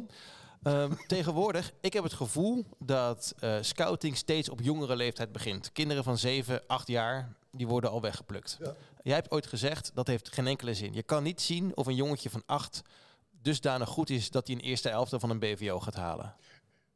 Dat het klopt. Ik moet zeggen, dat wijs maar eens een, eh, een E-pupil aan die in Sparta 1 speelt. Dan ga ik terug naar eh Aatje Andriessen, denk Stroopman? ik. Lenkeek. Stroopman niet? Nee, Stroopman later gekomen. Die kwam uit Ridderkerk vandaan. Ja. RWVA dacht ik vandaan. Dus zeldzaamheid op die leeftijd. Dus eh één keer in de twintig jaar zal er eentje doorbreken in Sparta 1. Maar je moet het wel blijven doen. Kijk, ik heb die jeugdscouting opgestart. Er bestond helemaal geen jeugdscouting. Ik heb die scouting opgestart rond 1970, dacht ik. Er bestond er geen jeugdscouting. En toen begon ik met 12, 13-jarigen. En het toenmalige bestuur had daar in het begin problemen mee. Moeten we dat nou wel? Moeten we dat niet doen? Ja, allemaal veel te jong, 12, 13 jaar. Dat, er allemaal, kan, dat kan toch allemaal niet? Toenmalige bestuur. Nou, inmiddels zijn we 30, 40 jaar verder, 50 jaar verder. En we inderdaad lopen we achter, aan en, en en dergelijke. Dat klopt. En dat jaagt elkaar allemaal op. Als dat jij het niet doet en Feyenoord doet het wel, oh, dan, moet je ook mee, dan moet je ook meedoen. Anders heb je hem niet. Maar het doorbreken op zich is een zeldzaamheid. Ik hoop dat daar wat. eh, er wordt nu heel veel aandacht aan geschonken, met name door. eh weet je, de, de, de, de rutjes, de aantal rutjes in die onderbouw. Dus hopelijk. En daar is, daarin is Sparta een beetje anders dan andere clubs. Hè? Dat eh, winnen daar niet het belangrijkste is. Hè? Nou, Zeggen ze dat niet allemaal? ja. Nee, nee, nee. Ja. Volgens mij. eh, eh, en ik Ja. weet niet, nu ga ik me op glad ijs begeven, maar worden daar ook uitslagen allemaal niet echt eh, niet meegenomen. Het gaat gewoon daar echt om plezier maken en eh, beter worden natuurlijk. Ja, maar dat is, dat is een, in, een beleid van de KNVB ook. Ja. Ik zit natuurlijk ook in, met mijn zoon in het jeugdvoetbal. En met mijn oudere zoon zat ik in het jeugdvoetbal. Die heeft bij Reewijk gespeeld. Mijn zoon speelt nu bij TOGB. En wat je merkt, dat als er een keer een scout is... Want ja, jij ging dan eh, in je, in je regenjas met een pet op. Maar tegenwoordig lopen sommige scouts in de jas van een club. Waarschijnlijk Ja. dat ze trots zijn dat ze scout zijn en laten zien. En dan zie je dus iemand in een jas van een club... met een bloknoot langs een kant staan. En dan, dat heeft echt effect Ja? op, op de Ja. mensen die daar dan zijn. Ja, op de ouders. Op de ouders dan met name. Want Ja. die willen, ja, die ze willen, iedere ouder, zowat, nou, bijna iedere ouder, wil dat zijn zoon profvoetballer wordt. Dus, dus als daar dan iemand staat van een club, en, of soms is het ook een gerucht, hey, er is iemand van Feyenoord, Ja, er is iemand van Sparta. Ja. Ja. dan eh, worden de jongetjes nog even opgepookt om een stapje harder te zetten. Dus dat Ja. scouten op jonge leeftijd, wat jij niet ziet zitten, sommige ouders zien dat Ja. echt wel zitten hoor. Nou, het, is- ja, het, eh, het is ook dat, dat René het niet, eh, niet ziet zitten bij jongens van 7, Ja, 8 maar jaar. Ik, je, moet, je moet gewoon meedoen. Dat is simpel. Maar ik kijk puur naar het resultaat de afgelopen 50 jaar. Er zijn er maar heel weinig eetjes die Sparta ingehaald hebben. Dat is een zeldzaamheidje. Dat Memphis, eh, Memphis Depay, die heb jij ontdekt toen bij Sparta? Nou, ik had toen de tijd had ik de, zowel betaald voetbalscouting als jeugdscouting. Dus ik kreeg een rapportje binnen van een van de jeugdscouts met Memphis Depay erop. Maar ik heb Memphis nooit zien spelen. Ik heb toen gezegd van laat, laat maar stage lopen bij Sparta. Dat is gebeurd. Dus ik heb mezelf nooit zien spelen bij zijn club. Ik kreeg een rapportje binnen van de jeugdscout. En aan de hand daarvan heb ik gezegd, nou, laat maar stage lopen. Nou, een stage, stage gelopen en aangenomen. En hoe was hij? Hij was goed. En heel vervelend toen al. Heel snel. Ja? Ja, ze hebben er heel veel problemen toen al mee gehad. En dan hebben ze dus, ze waren blij dat hij wegging naar PSV op een gegeven moment. Nou, maar we gaan, we zo vervelende jongen. En ook PSV heeft... Maar dan laat Sparta wel makkelijk, makkelijk gaan. Ja, het liet hem inderdaad Ja. makkelijk gaan. Maar, maar ook PSV heeft daar problemen gehad hoor. Die hebben daar één, twee man op gezet om, om hem eh, op de rails te krijgen, die jongen. Dat, dat is gelukt. Met het resultaat dat hij gewoon voor 30 miljoen verkocht werd. En dat is ook wel weer het voordeel natuurlijk. Nou, het voordeel. heeft veel man- Uiteindelijk is PSV de grote winnaar ja, geworden. Het heeft veel, mankracht, heel veel kracht gekost, moet ik zeggen. Heel veel mankracht gekost om die jongen om Maar die dat is wel het verschil eh, tussen PSV en Sparta. Daar zetten Ah. ze twee man op en dat kan Sparta zich Ja, niet zeker. veroorloven. Ja, precies. Nee. Maar je hebt inderdaad, ja, je hebt nog steeds jongens bij die eh, wat ongeleide projectiels zijn natuurlijk. Die wel heel goed kunnen voetballen. En dan ga je toch anders mee om dan, eh, dan een modaal spelertje. Die had je al vijf keer weggestuurd. Zo werkt het nu eenmaal natuurlijk, niet wij. Nou, hij is vertrokken op zijn twaalfde, toch? Heel jong, hè, bij Sparta, toch? Ja, Ja.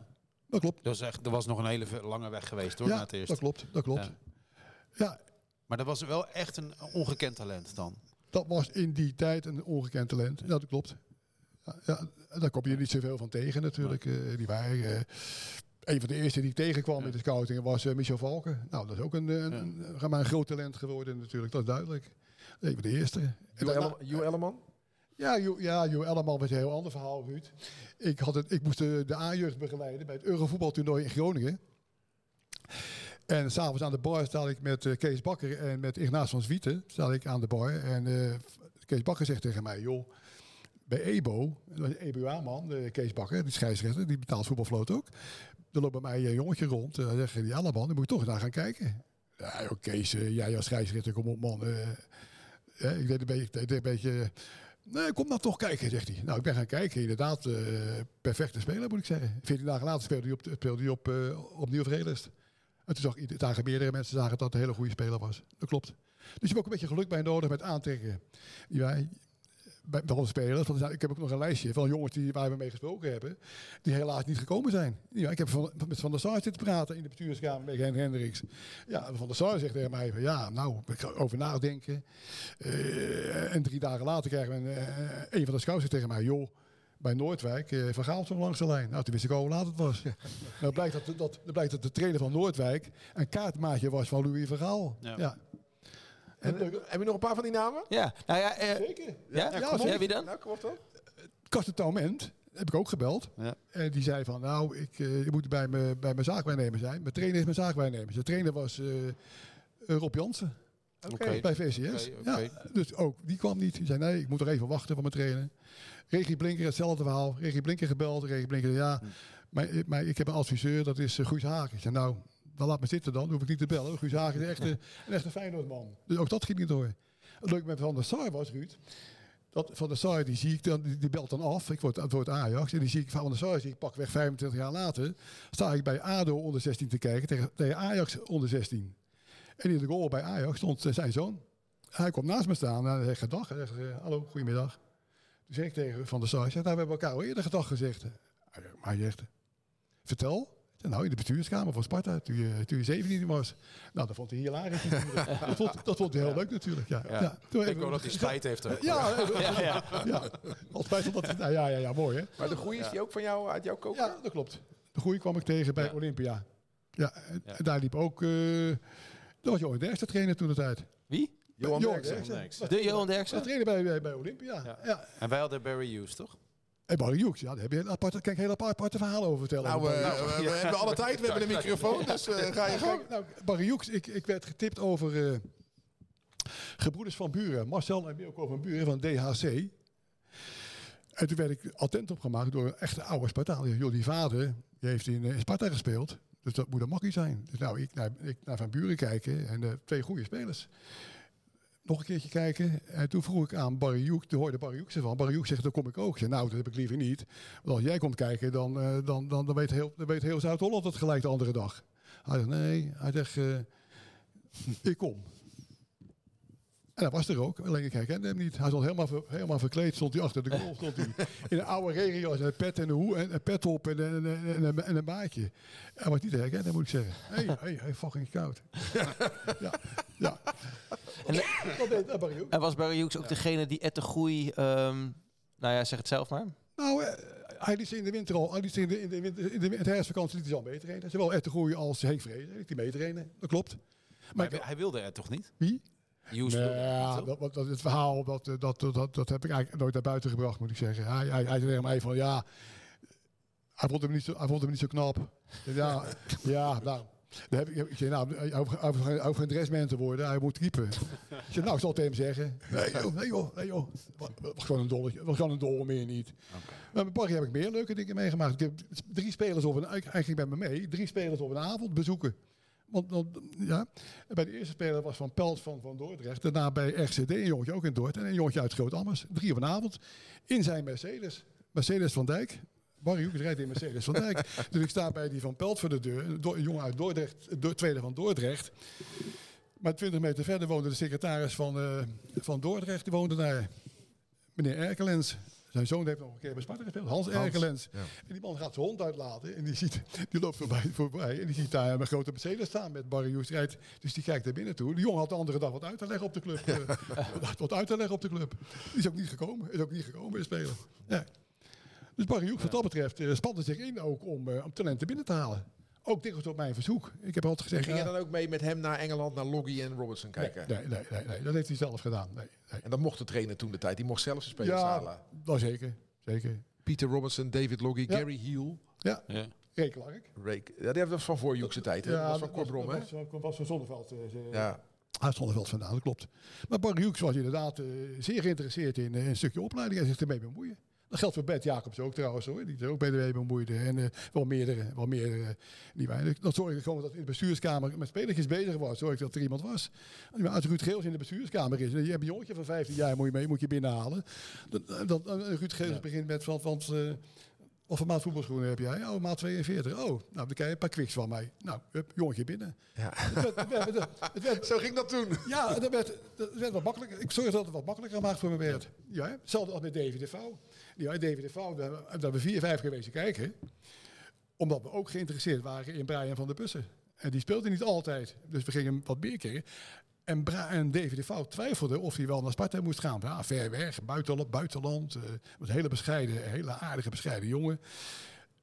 Toen denk ik, wat, ik heb Rijk, vroeger Rijkaard meegegaan. De Rijkaard is mee geweest. Nou, toen zag hij Rijkaard langs de kant staan. David de toen was hij gelijk verkocht.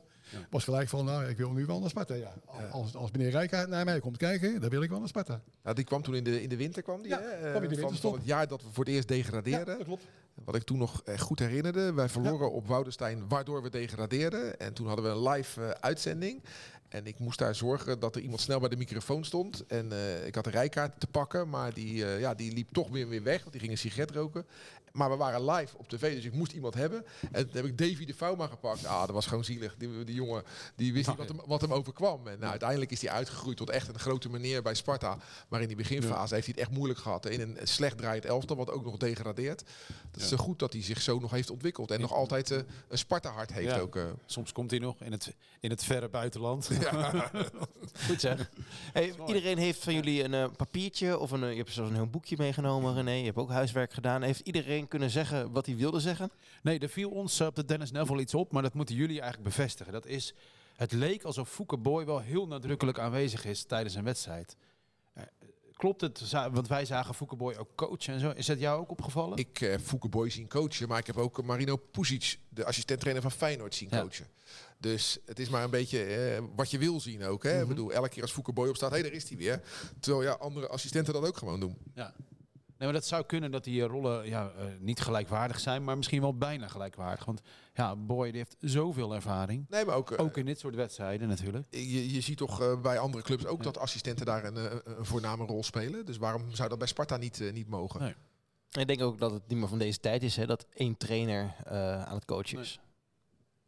Nou, Nou, kan je weer slapen? ja, ja, Ja? zeker. Nee, maar ik Ja, maar kijk. vind jij dan dat Foukeboy meer keren opstaat dan, dan, dan Bukari?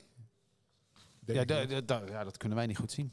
Waar. Dus die vraag ligt aan jullie. Nee, En er zal een bepaalde Ja. taakverdeling in de staf Ja. zijn ook. Wellicht, ik noem maar wat hoor. ja, Dat, ik weet het niet hoor, maar dat Foukeboy zich eh, heeft ontfermd over de verdedigers die week. Ja.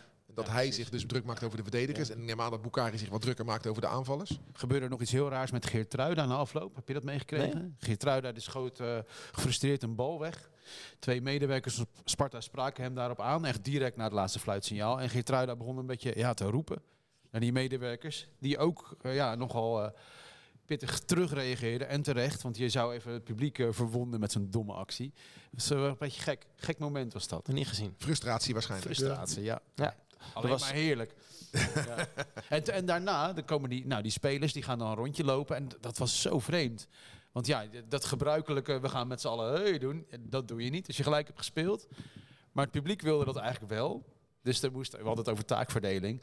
Dan is het uh, Bukari die een beetje gaat regisseren. En Bart Vriends moet dat dan ook doen. Eh, van ja, wat gaan we nu doen? Dus kreeg het zo dat, dat die hele selectie van Sparta daar voor de Dennis Neville stond, maar eigenlijk niks deed. Nee, maar de- ze werden wel goed toegejuicht, toch? Ja, Eh, en hard ook, tuurlijk. Ja, ja, ja. ja die teleurstelling maakte snel plaats. en ik hoorde bij het uitvak hoorde ik bloed, zweet en tranen. Oh, heerlijk. Eh, Vond ik wel opmerkelijk, Ja. want als je Feyenoord iets niet kan verwijten, is dat het ha- hard gewerkt heeft. Ze hebben echt hard gewerkt, Feyenoord. En, knap teruggekomen. En dan zijn die supporters toch bloed, zweet en tranen. Ik denk, nou Ja. daar, daar lag het volgens mij niet aan. Mooi hè, dan ben je kampioen en dan eh, twee wedstrijdjes daarna dan... eh, Ja. ga Er is nog, een, eh, nog, eh, nog meer post binnengekomen. Wat zit er in die gleuf? Tijd voor de post. Eh, René Schouten heeft, eh, heeft gemaild en die mailt in, in kapitalen eh, Antons podcast. Dus die weet wel deze podcast op, eh, op waarde te schatten. Eh, wanneer stopt Sparta nou eens met dat onnodig overwinningen en dus ook punten weggeven? Dit gebeurt al jaren en van toeval is geen sprake meer. Het is een patroon natuurlijk. Iedere tegenstander die al weken niet heeft gewonnen, treft in Sparta de spreekwoordelijke Sinterklaas en Kerstman. Inderdaad, want Feyenoord had al twee weken niet gewonnen van PSV en Fortuna niet. Het is aardig hoor dat je een keer zesde bent geworden. Maar de mentaliteit van over mijn lijk die erbij hoort, miste ik wel zondag. Zeker dat laatste kwartier was weer een ergernis alsof je met lichtgewichten als Ramstein, Smelts, Bessa, Buis, Varkenvisser of Lindenberg speelde.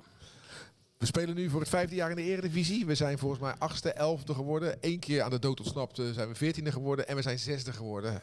Ik denk dat we het de laatste jaren niet zo heel slecht doen. eh. Ja, en over mentaliteit gesproken. Dit was natuurlijk de wedstrijd die we nodig hadden in deze fase van het seizoen. Want je zag ook een ploeg ontstaan, vond ik. Hè, met allerlei momenten eh, waarbij je de bank ziet opspringen. En inderdaad onze trainers. Dus de mentaliteit bij Sparta zit juist de jaren goed. Maar ja, hij heeft natuurlijk wel een punt. We hebben ook jaren gehad waarin Ja. de kopjes naar beneden gingen. Daar doelt hij natuurlijk op. Nee, als jij als club eh, je, je 50 of 60 of 70 jaar bestaan vierde, dan moest je tegen de KNVB zeggen, joh, mogen we op die dag tegen Sparta spelen? Want dan wist je Ja. dat je won. Precies. En Zitten bij, het eh. René, zitten bij die namen Ramstein, Smelts, Bessa, Buis, Varkenvisser, Lindenberg een naam die jij hebt gescout? Toen zat hij bij Feyenoord. Heb, je, heb jij, durf je dat nu te zeggen, je bent nu gestopt, de allerslechtste speler die Sparta 1 heeft gehaald, die jij hebt gescout? Ach, de allerslechtste. Heb jij nou al een naam in gedachten? of- Nee, nee, nee, nee, nee, maar ik vind het wel een leuke vraag. ja, even eentje. Gewoon één. Ik heb geen... geen Nou, je hebt echt wel een slechte speler die jij gescout. toch die, niet die 100%. mislukt is. Ja, oké, die mislukt. Ja, die hebben Nee, even dichterbij René. René, kom op.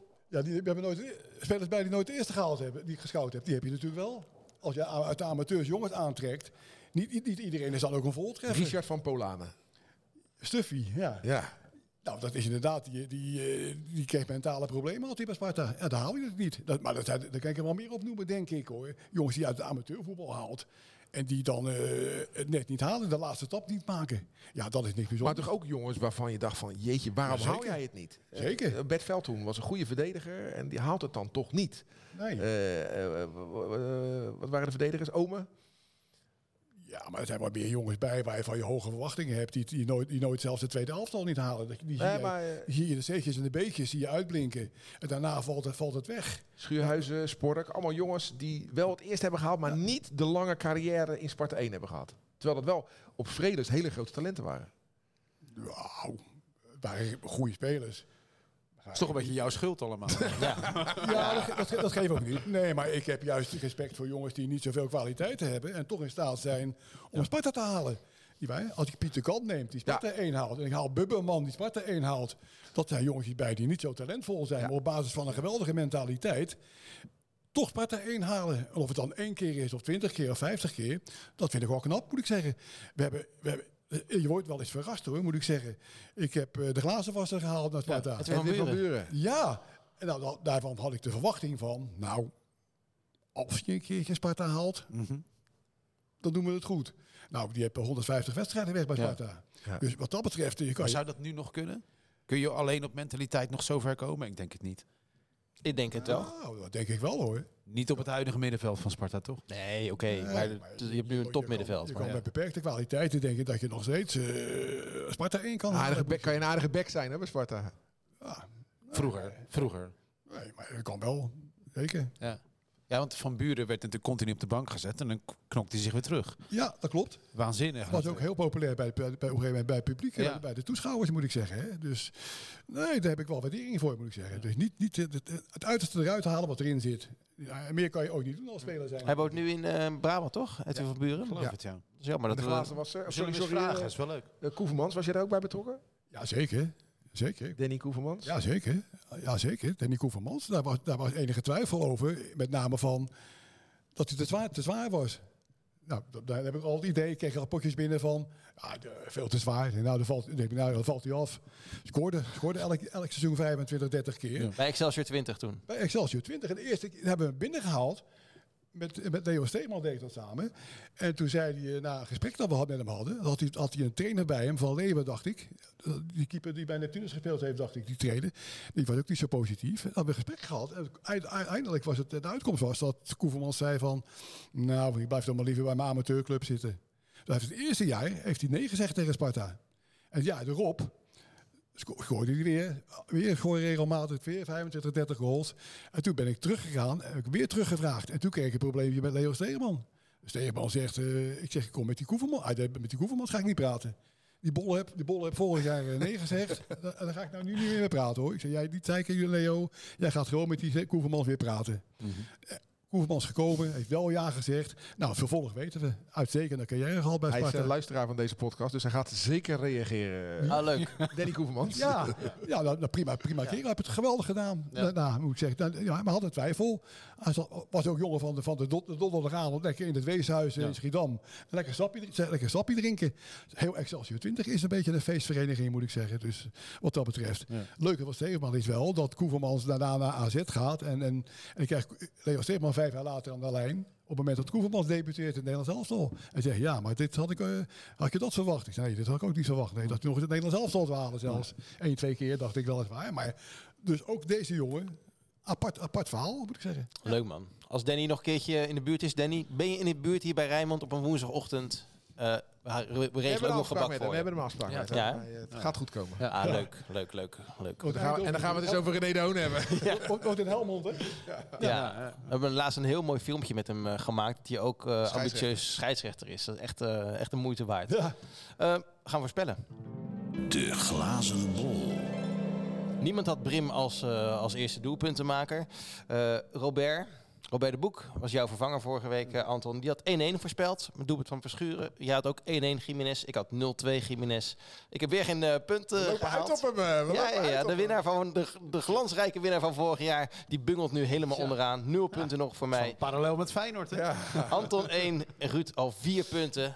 Maar nu, Heerenveen Sparta, aankomende zondag, kwart voor vijf. Eén busje gaat er naartoe. Dat is, dat is karig, hè? Dat is heel karig. Dat is karig. Ja. In totaal gaan er 375 man. Dat is een derde van het uitvak van Heerenveen. En Is dit je voorspelling? Dat is geen voorspelling. maar het is wel iets wat opvalt. Want Sparta is hot, maar uh, Jij gaat ook niet? het niet zo. Jij gaat Nee. ook niet. Wat ga je dan doen zondag? Ja, kijken. Oh, dat wel. Kijken thuis. Geen zin om in slaat over. Nee, te gaan. Nee. Nee, vertel, Nee, zeg ik het heb wel maar. zin, maar die combi-regelingen zijn gewoon heel vervelend. 1-1. Maar hoeveel wordt het? 1-1. Doelpuntenmaker, Van Krooi.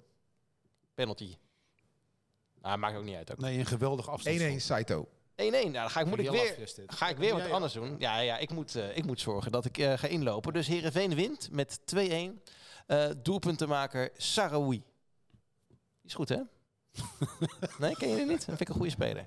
Eh, René, doe even, doe even mee. Dan lag heel positief zijn, 2-2. Oh, Dan ben ik heel positief hoor, moet ik zeggen. nou, Heerenveen draait goed. Ja, die hebben twee Ja, keer Sparta ook. Ik ben benieuwd. Oké. Het is eh, de koploper, een van de koplopers Heerenveen. Dus eh, Twee gespeeld zes. En dus, vorig jaar, vorig jaar wel gewonnen, dacht ik. Nee, 0-0. Dat was de allereerste wedstrijd. allereerste. Er was, Dat er was echt ja. helemaal geen reet Nou, aan om naar te ik- kijken. Nou, ik, te- ik teken toch wel Sparta weer- ik teken voor een gelijkspel, moet ik Ja. zeggen. Ja, toch wel? Saito, maar Saito mag wel wat meer beschermd worden door de scheidsrechters, zeg. Want we zagen hem alle kanten op vliegen. Ja, maar, Nee, nee, en vorig jaar was die klacht van Stijn dat het gold over Lauritsen. Krijgt Dat, niks mee, hè? dat, je alles tegen Ja. Lauritsen mocht doen. Dat klopt, maar Saito krijgt ook niet eh, veel mee. Vond hem wel goed fluiten trouwens. Makkelie was echt goed. Vond ik ook. Maar Saito had hij wel mogen beschermen, toch? Of is Saito zelf te licht voor dit soort... eh, Nou ja, als je hem raakt, dan vliegt hij ook echt door de lucht. Ja. ja, er was één eh, moment Ja. zo hoog, hè? Ja. Ah. Het is wel de lieveling van het publiek natuurlijk. Dat, eh, dat denk Van ik ook. iedereen, van iedereen, denk ik. Hè. Leuk om naar te kijken, moet Ja. ik zeggen. Ja. Ja, en er is een soort hype ontstaan, want er hebben heel veel ploegen opeens spelen. Ja. en NEC heeft er zelfs nog eentje gehaald. Er zijn hier vier Ah, moeten ook wel. Die hele Koki, hè? Ja, die ook, Ja, ja, precies, ook, ja. ja. Daar schrok ik even van. Dat NSC haalt Koki. Ik denk, ze zal toch niet waar zijn? Ja. Ja. Hey, Veel goed, mee, veel mee. Ja, het schijnt dat die Ueda Saito niet eens kent, hè? Feyenoord heeft er geen, Nee. klopt. Nee. ja. We zitten lekker allemaal door elkaar heen te praten nu. Ja, ja. Mag ook wel. Vijf kwartier, mannen. We Ja. hebben vijf kwartier uh, zijn we het oude hoer geweest op een Sparta. Zeggen toch altijd over die de Hoon, die lult vijf kwartier in een uur. Nou, dat blijkt wel, ja. Aan het begin eh, moest je er even in komen, maar je hebt, eh, inkomen, ja. je hebt het helemaal waargemaakt. Even kijken. FC Rijnmond. Vrijdag. Adrie Poldervaart is de gast. Ja. Een van de meest sympathieke mensen uit de voetballerij. Dat moeten ook Spartanen beamen. Dus die is de gast en we zijn er gewoon op de radio zondag. Hebben we eerst een potje van jouw Zuid, zoals jij het noemt. Wij noemen het Feyenoord. En daarna gaan we luisteren naar Heerenveen Sparta. Bedankt. Feyenoord Almere. Stil. half drie. Ja. Als Spartaan zijn wij geboren. Als Spartanen sterven wij. In de geest van Bok de Korver. Sparta naar voren! Deze podcast werd mede mogelijk gemaakt door Reisbureau Buitenlandse Zaken.